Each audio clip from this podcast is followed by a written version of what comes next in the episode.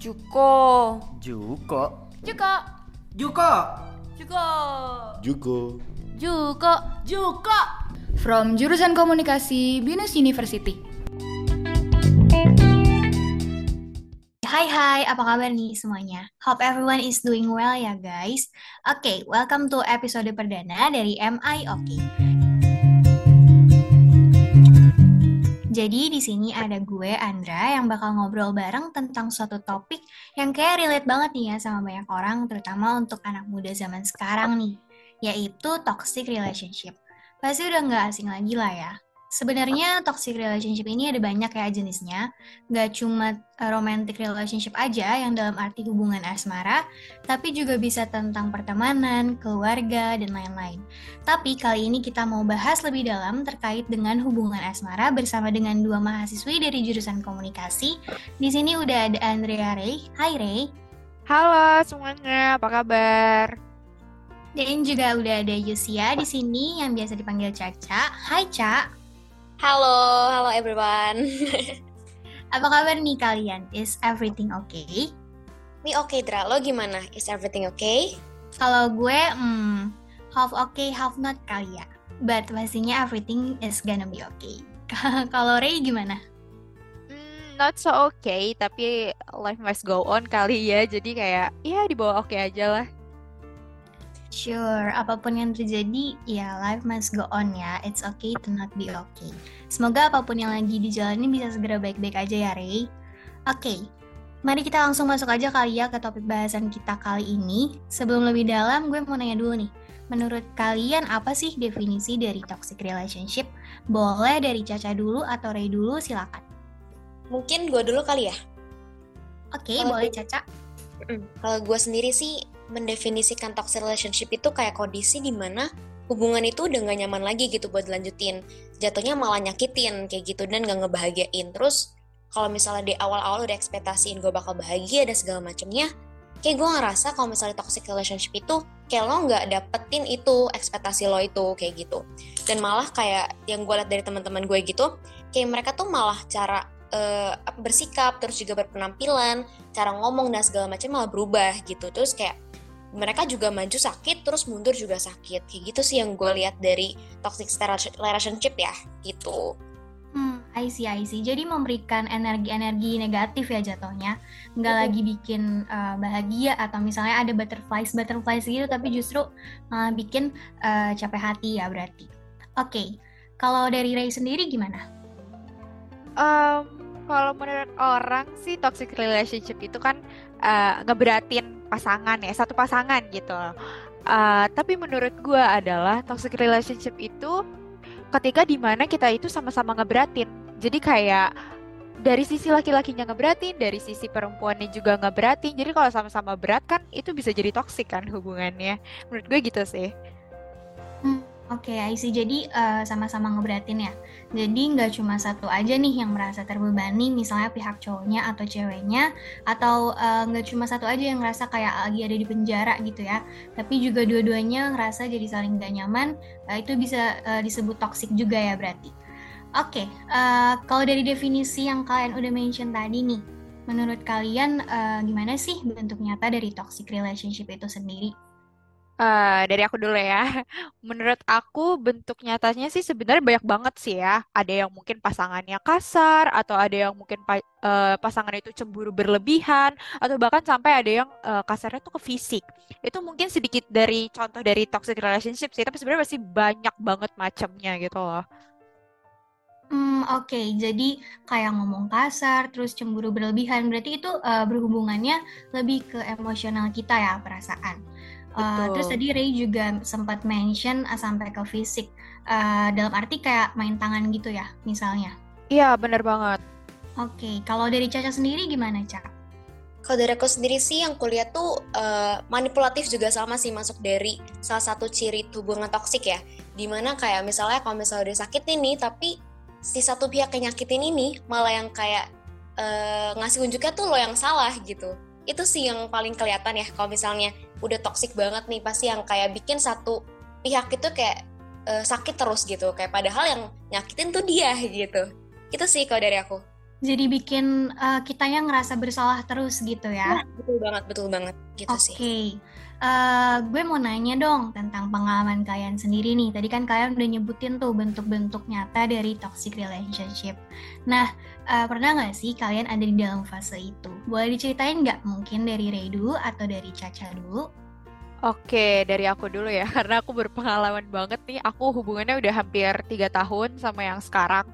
Itu udah ngejalanin bener-bener banyak banget fase gitu loh. Ada dari fase kalau kita nyebutnya honeymoon phase. Honeymoon honeymoon phase itu adalah fase di mana kita masih love bombing lah di awal-awal, masih manis dan lain-lain sampai ke fase di mana kita sama-sama uh, berantem, ada aja masalahnya. Nah, salah satu uh, hal yang bikin gue toxic banget itu adalah ketika di mana uh, ini ngomongnya aku kamu atau gue nggak apa-apa ya uh, ketika bebas, di mana uh, gue itu sama-sama cemburu sama dia. Jadi cemburunya gue itu berlebihan dan cemburunya dia berlebihan. Bahkan sampai kita tuh nggak ada koneksi uh, sama teman-teman uh, lawan jenis gitu. Kita bener-bener gak boleh follow-followan kita gak boleh like-likean. Jadi sampai kayak bener-bener kadang artis aja tuh dicemburuin gitu. Kayak ngapain sih nge-like artis kayak gitu? Itu tuh bener-bener udah toxic banget. Sampai pada akhirnya mungkin kita jadi sama-sama bohong gitu loh. Jadi kayak uh, ketika ada satu hal yang kita nggak mau pasangan kita jadi marah jadinya kita sama-sama bohong dan itu benar-benar bikin hubungan jadi toxic banget. Sebenarnya nggak itu sebenarnya masih banyak banget sih tapi uh, hubungan gue itu sebenarnya lebih toksiknya ke secara emosional. Karena kitanya jadi sama-sama manipulatif juga kan. Karena kayak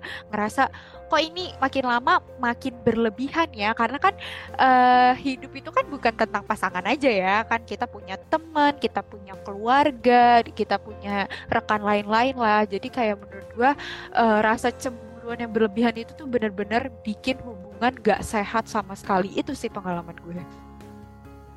I see. Jadi uh, benar-benar toksik banget ya. Jadi kayak sama sekali nggak ada ini dong berarti interaksi sama teman lawan jenis gitu misalnya jalan bareng atau misalnya uh, dulu teman-teman yang dekat misalnya lawan jenis gitu udah nggak ada uh, interaksi lagi dong berarti ya?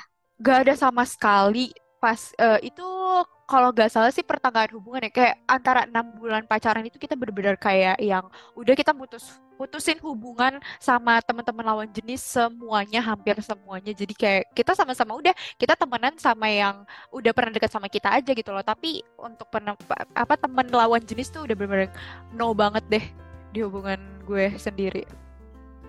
Hmm, I see. Jadi benar-benar udah putus kontak ya, nggak boleh deket-deket sama yang lain. Iya, okay. betul banget. Uh, tadi kan yang tadi udah dari Ray udah ceritain tentang cemburu berlebihan itu. Nah, di titik apa sih lo sadar kalau misalnya uh, kayak cemburu berlebihan kayak gitu dalam suatu hubungan itu uh, lo sadar kalau misalnya hubungannya itu nggak sehat?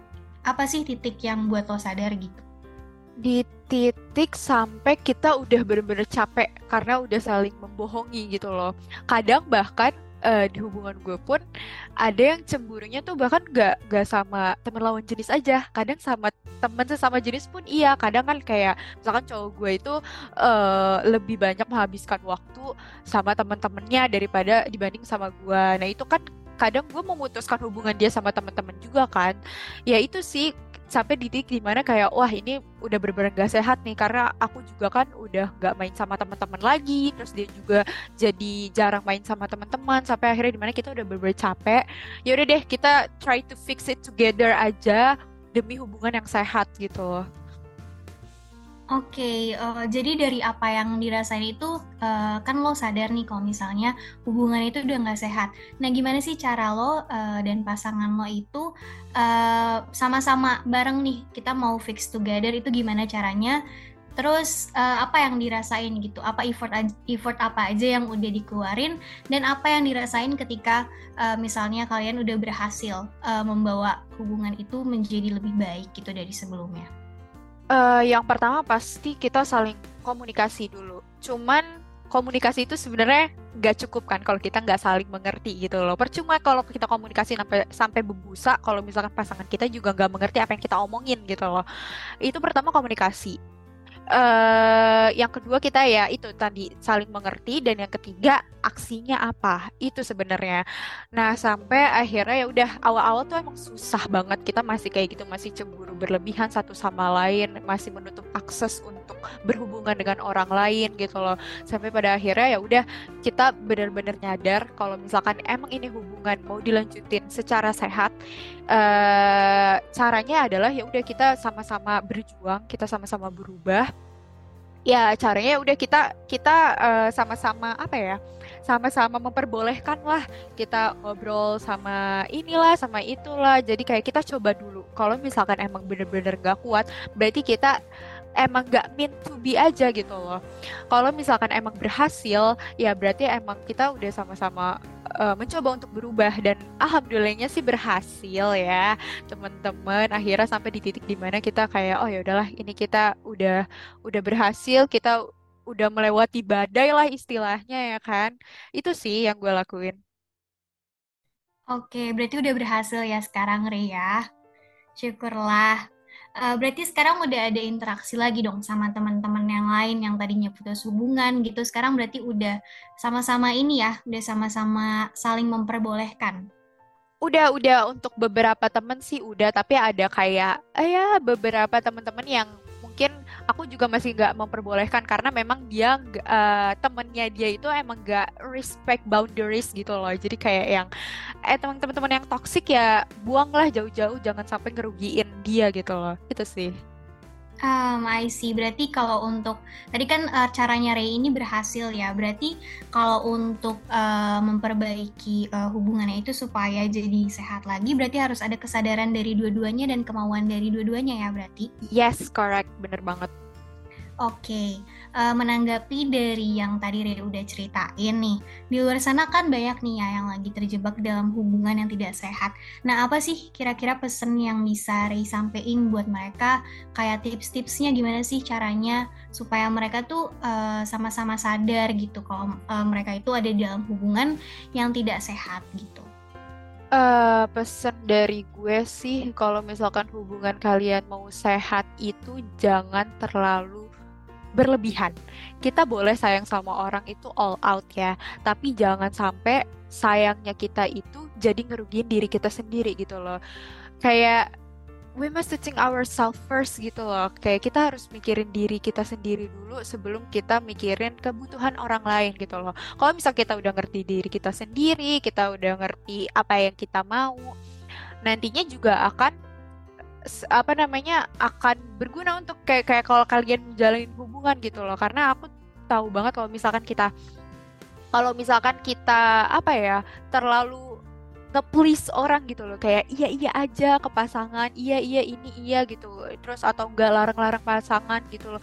Itu sebenarnya bikin pasangannya nggak sehat banget sih. Tips gue tuh kayak ya udah jalanin pasangan eh jalanin hubungan itu ya sebagaimana hubungan itu berjalan gitu loh. Jadi jangan terlalu berlebihan dalam dalam hal apa pun itu sih. Oke, jadi uh, meskipun sesayang-sayangnya gitu ya sama pasangan, tetap harus set boundaries-nya ya. Yes, benar banget. Oke, kalau dari Caca sendiri nih, tadi kan Ray udah cerita panjang lebar.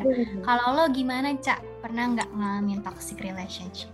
Sejauh ini sih gue masih aman, Dra semoga begitu juga ke depannya ya gue sama cowok gue. Cuman gue sering dengar sih sama dari teman-teman gue dari family gue juga yang pernah ada di situasi itu gitu. Dari situ situ aja sih paling uh, kalau misalnya gue sendiri ya gitu.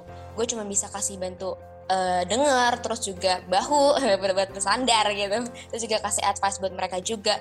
Uh, dari sisi yang notabene-nya tuh gue di sini masih berpikir rasional. Kalau mereka kan mungkin lagi uh, ininya ya lagi apa namanya? Lagi uh, marah-marahnya gitu atau enggak lagi cemburu-cemburunya nih. Nah, gue bisa kasih advice di mana yang gue tuh lagi uh, masa pikiran bersih lah. Paling kayak gitu juga sih dari gue sih. Mm -mm. Oke, berarti uh, tadi kan Ray posisinya yang mengalami ya. Berarti sekarang Caca ini posisinya yang ada di uh, pihak luar berarti ya. Iya, Oke. Em, kalau dari tadi yang lo bilang itu lo kan kasih advice nih Cak ke teman-teman Mhm. atau family lo yang mengalami toxic relationship supaya mereka bisa berpikir lebih rasional. Nah, boleh nggak sih diceritain kayak gimana sih contoh case-nya? Boleh dijelasin nggak? Biar teman-teman kita semua yang denger ini nih bisa dapat insight juga nih gimana sih seharusnya kita bersikap kalau misalnya amit-amit ada orang-orang di sekitar kita yang mengalami hal itu. Jadi sebagai orang terdekatnya seharusnya kita tuh ngapain sih gitu cara yang tepatnya. Jujur banget, Dra. Sebenarnya gue masih takut ya buat kasih advice gue ke orang-orang yang lagi di fase itu. Karena gue juga belum, apa sih, belum ada di fase itu kan. Belum pernah kayak ngerasain secara langsung gitu. Cuman yang gue bisa kasih tau ke mereka saat udah nggak bisa di fix it, itu gue yang udah kayak, yang lo rasain tuh valid. Yang pernah lo bilang juga, Dra, ke gue yang kayak, lu tuh kalau misalnya ngerasa apa itu valid. Karena diri lu yang tau lu juga kan. Terus juga kayak, kalau misalnya udah rasa kayak gitu, juga nggak usah dinanya lagi gitu terus juga yang lu butuh di satu relationship ya itu happy lu gitu kayak kalau misalnya udah nggak happy menurut gue kayak mendingan dikat gak sih kalau misalnya nggak bisa di fix ya gitu itu sih gue setuju banget itu. ya kan yang paling terpenting tuh happy lu menurut gue gitu Yes, bener banget. Jadi dalam suatu hubungan kita harus merasa happy ya guys ya. iya betul Oh iya, aku mau cerita juga dong. Karena Caca Iya, cerita, boleh, jadi aku mau cerita nih. Oke boleh. Jadi aku Silahkan. pernah, ya aku pernah di posisi Caca di mana aku ngasih advice ke orang lain. Tapi bedanya di sini adalah, aku tahu sih sebenarnya hubungan gak sehat itu kadang emang paling susah dilepas. Ada pepatah, pepatah anak-anak muda yang mengatakan kalau hubungan mau langgeng, ya lu toksik pasti langgeng. Iya bener juga sih, karena kalau toksik emang susah banget dilepas gitu loh. Nah, gue ada satu case di mana temen gue ini emang udah bener-bener toxic banget hubungannya sampai cowoknya ngomong kasar, sampai dia bilang tuh dia tuh nggak pernah bahagia sama nih pasangan. Tapi tiap nih temen gue minta putus, cowoknya tuh nggak mau diputusin.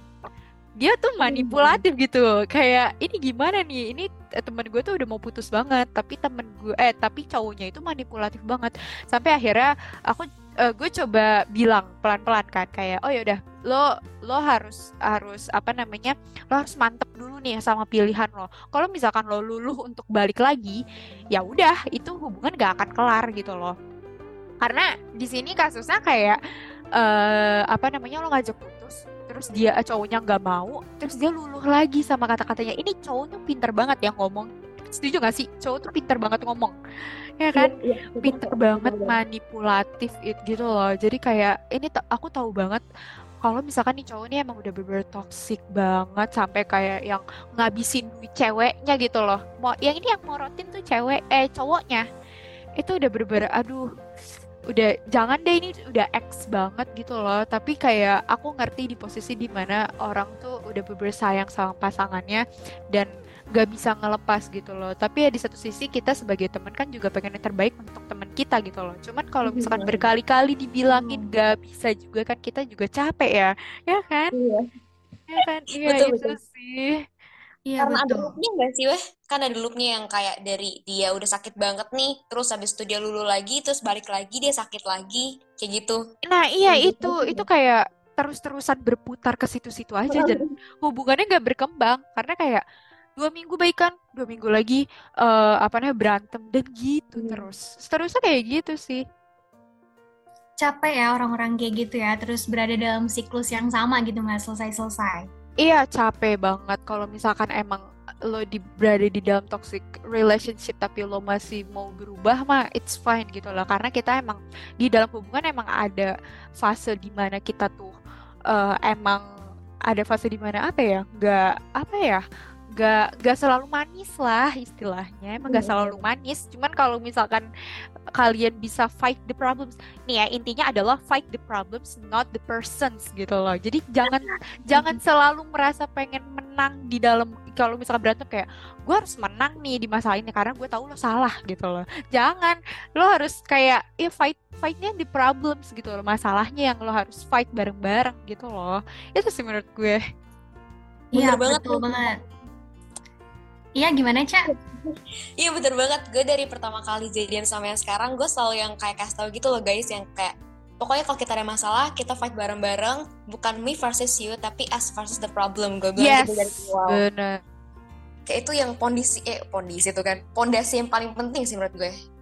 harus sama-sama dihadapi dan dikomunikasikan bareng-bareng gitu ya. Kita cari solusinya sama-sama.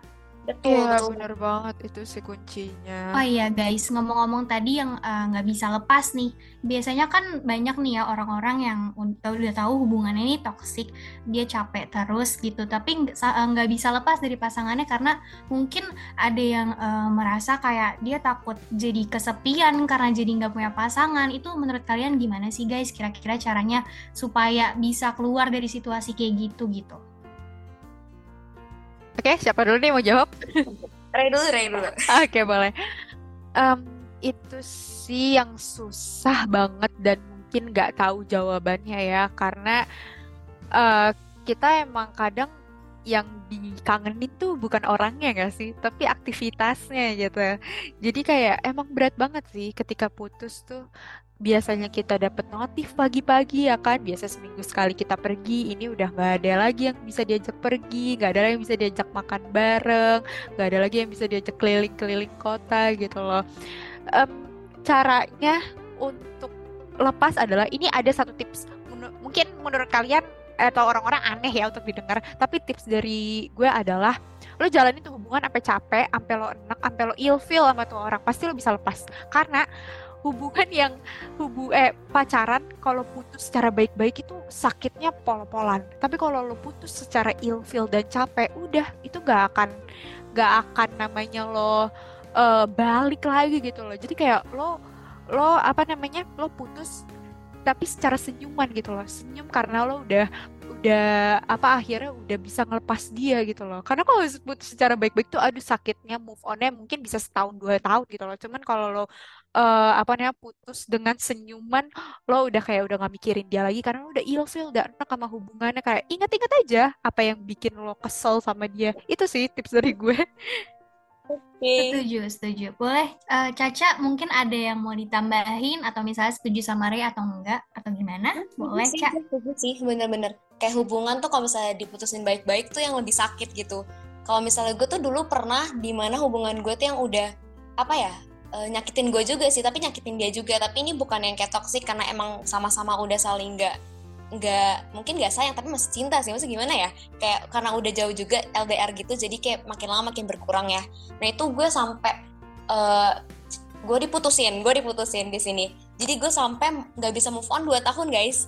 Tapi yang kayak gue di situ tuh kayak doing nothing aja. Kayak ya udahlah kayak harus hidup juga kan. Terus juga gue tuh yang masih kepikiran dia setiap hari sampai 2 tahun itu. Karena gue sesayang itu sama dia gitu. Emang se- se- sesuka itulah pokoknya sama dia tapi ya gitu eh, gue tuh move onnya dengan cara ya udah waktu yang bakal ngebuktiin gitu loh guys. Kalau gue tuh dulu gitu sih. Gitu sama mungkin doing what I like aja sih gitu. Gitu karena susah. Iya, itu dua tahun lama sih, Cak. Lama banget itu. Kuat ya, Caca ya. gue sampai kayak makan nangis. Terus gue kayak di motor lagi digonceng sama bapak gue nangis gitu. Terus ke mana lagi hangout nangis. Itu sih dua tahun itu guys Tapi time heals lah ya, guys. betul betul betul banget Tapi gue mau nanya, eh jadi gue yang host ya nih. Maaf Endra, gak apa-apa kan? Boleh, boleh. Silahkan, silahkan. Ya, tapi gue gue mau eh, mau nanya sedikit nih. Eh, kalau hubungan toksik kan ter- terkadang nggak cuma sama pasangan aja ya. Lo pernah nggak sih hubungan itu toksik sama temen gitu? Pernah nggak sih? Karena gue pernah nih hubungan di mana hubungan gue nggak sehat sama teman-teman gue gitu.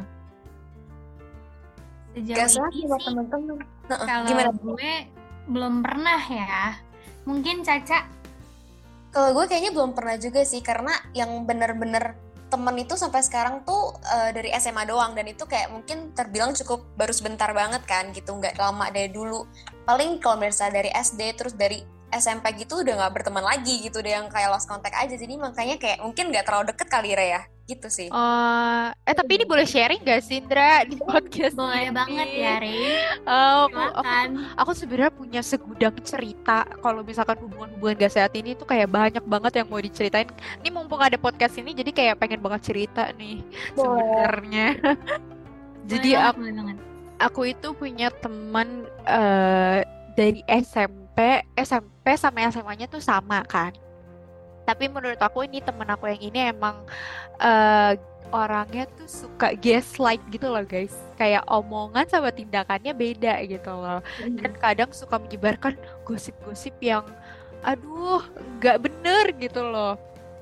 Dia kadang ngegosipin apa ya? Ada satu di mana dia ngomong ke orang-orang kalau misalkan em, ini sebenarnya lebih ke omongan sih, bukan gosip. Dia ngomong ke orang-orang kalau misalnya ini sakit banget guys, aku masih ingat sampai sekarang dan sampai kepikiran gitu loh. Dia ngomong kayak gini. eh aku dulu dipanggil Rere kan di di sekolah dia bilang gini. "Eh, si Rere itu kalau cantiknya itu cuman di fil- eh, di Instagram aja karena dia pakai filter mulu. Coba kalau aslinya karena kan kita kita sekolah sekolah nggak pakai makeup dong. Kayak Mm-mm. yang aslinya beda banget gitu loh, kayak jelek.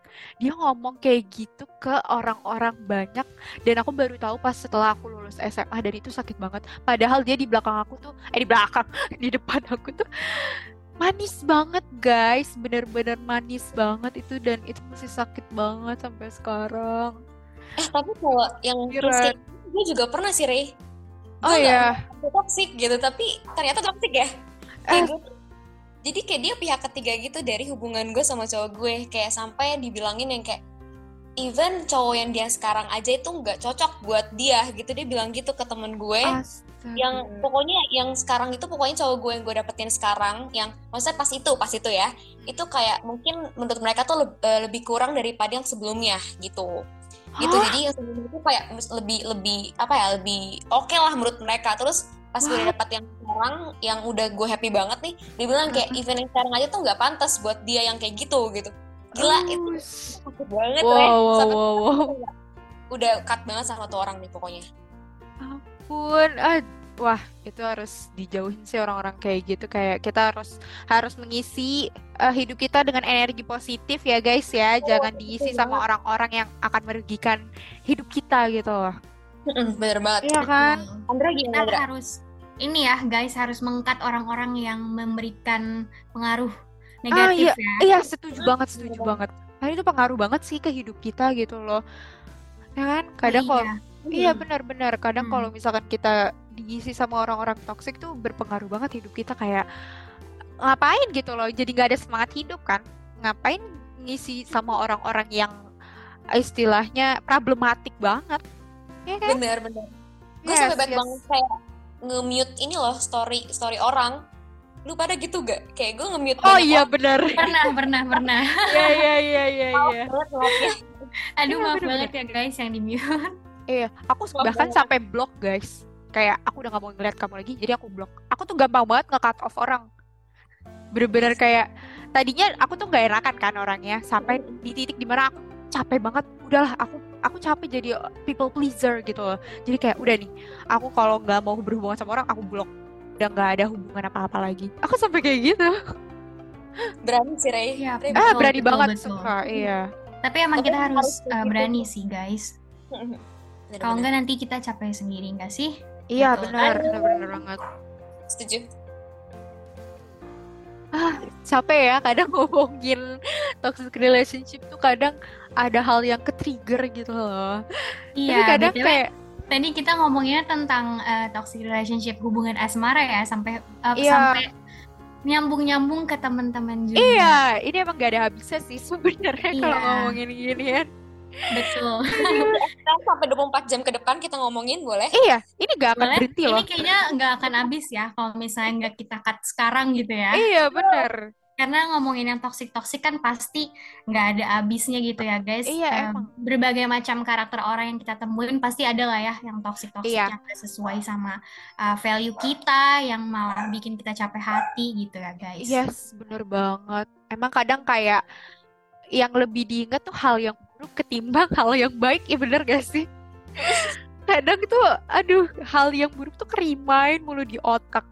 Yang baik-baik tuh kadang kayak lupa gitu loh. Makanya kita harus pikirnya happy-happy aja. Tapi kadang kalau misalkan lagi merenung ya sendiri di rumah gitu, kadang ada aja gitu overthinkingnya.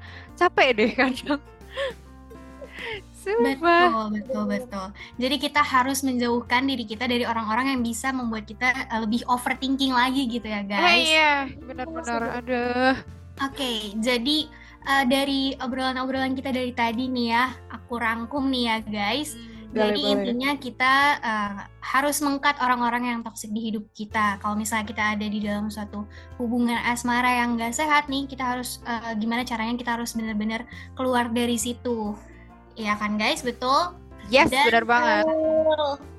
Dari hub- selain hubungan asmara juga misalnya dari hubungan pertemanan atau misalnya dari hubungan keluarga atau apa pun itu hubungan yang membuat uh, yang ngasih banyak energi negatif nih buat kita, kita harus uh, cepet-cepet sadar dan harus uh, berani buat mengkat hubungan itu ya guys. Yes, itu poin Oke, yang harus ada di-highlight. lagi um, pesan-pesan dari mungkin dari Ray atau dari Caca untuk teman-teman yang lagi dengerin podcast kita sekarang ini. Ada lagi? Nih? Dari Boleh Ray. deh, Caca deh. Oke. Berantem nih jadinya nih. Dari gue pokoknya just be you aja guys. Soalnya kalau misalnya udah nggak bahagia, tinggal di-cut aja gitu. Karena yang tahu diri lo tuh diri lo sendiri gitu. Jadi just be you pokoknya dalam apa ya? Apa pun lah hubungan sama temen lo, sama family atau sama pasangan lo sendiri. Gitu guys, be happy. Kayak gimana? Ray, boleh? Kalau dari gua, gua mau memberikan semangat aja deh untuk teman-teman yang lagi di toxic relationship. Semangat, semoga kalian sampai eh, nemu titik enaknya di mana, jadi kalian bisa lepas dari hubungan itu. Karena gue tahu banget kalau lo belum enak pasti lo nggak akan mau lepas. Udah itu aja sih dari gue. Oke, thank you banget nih Caca sama Ray udah ngobrol-ngobrol bareng kita ya. Kita kasih you. semangat buat teman-teman kita yang lagi ada dalam you, toxic relationship. Semoga bisa segera keluar ya. Oke, Amin, amin. thank you Thank semuanya yang udah dengerin you, podcast kita. Thank you Andra Caca, semangat semuanya yang lagi di toxic relationship. Oke, kita pamit dulu ya sama teman-teman yang lagi dengerin kita. See you next time, guys. Bye-bye. Bye guys.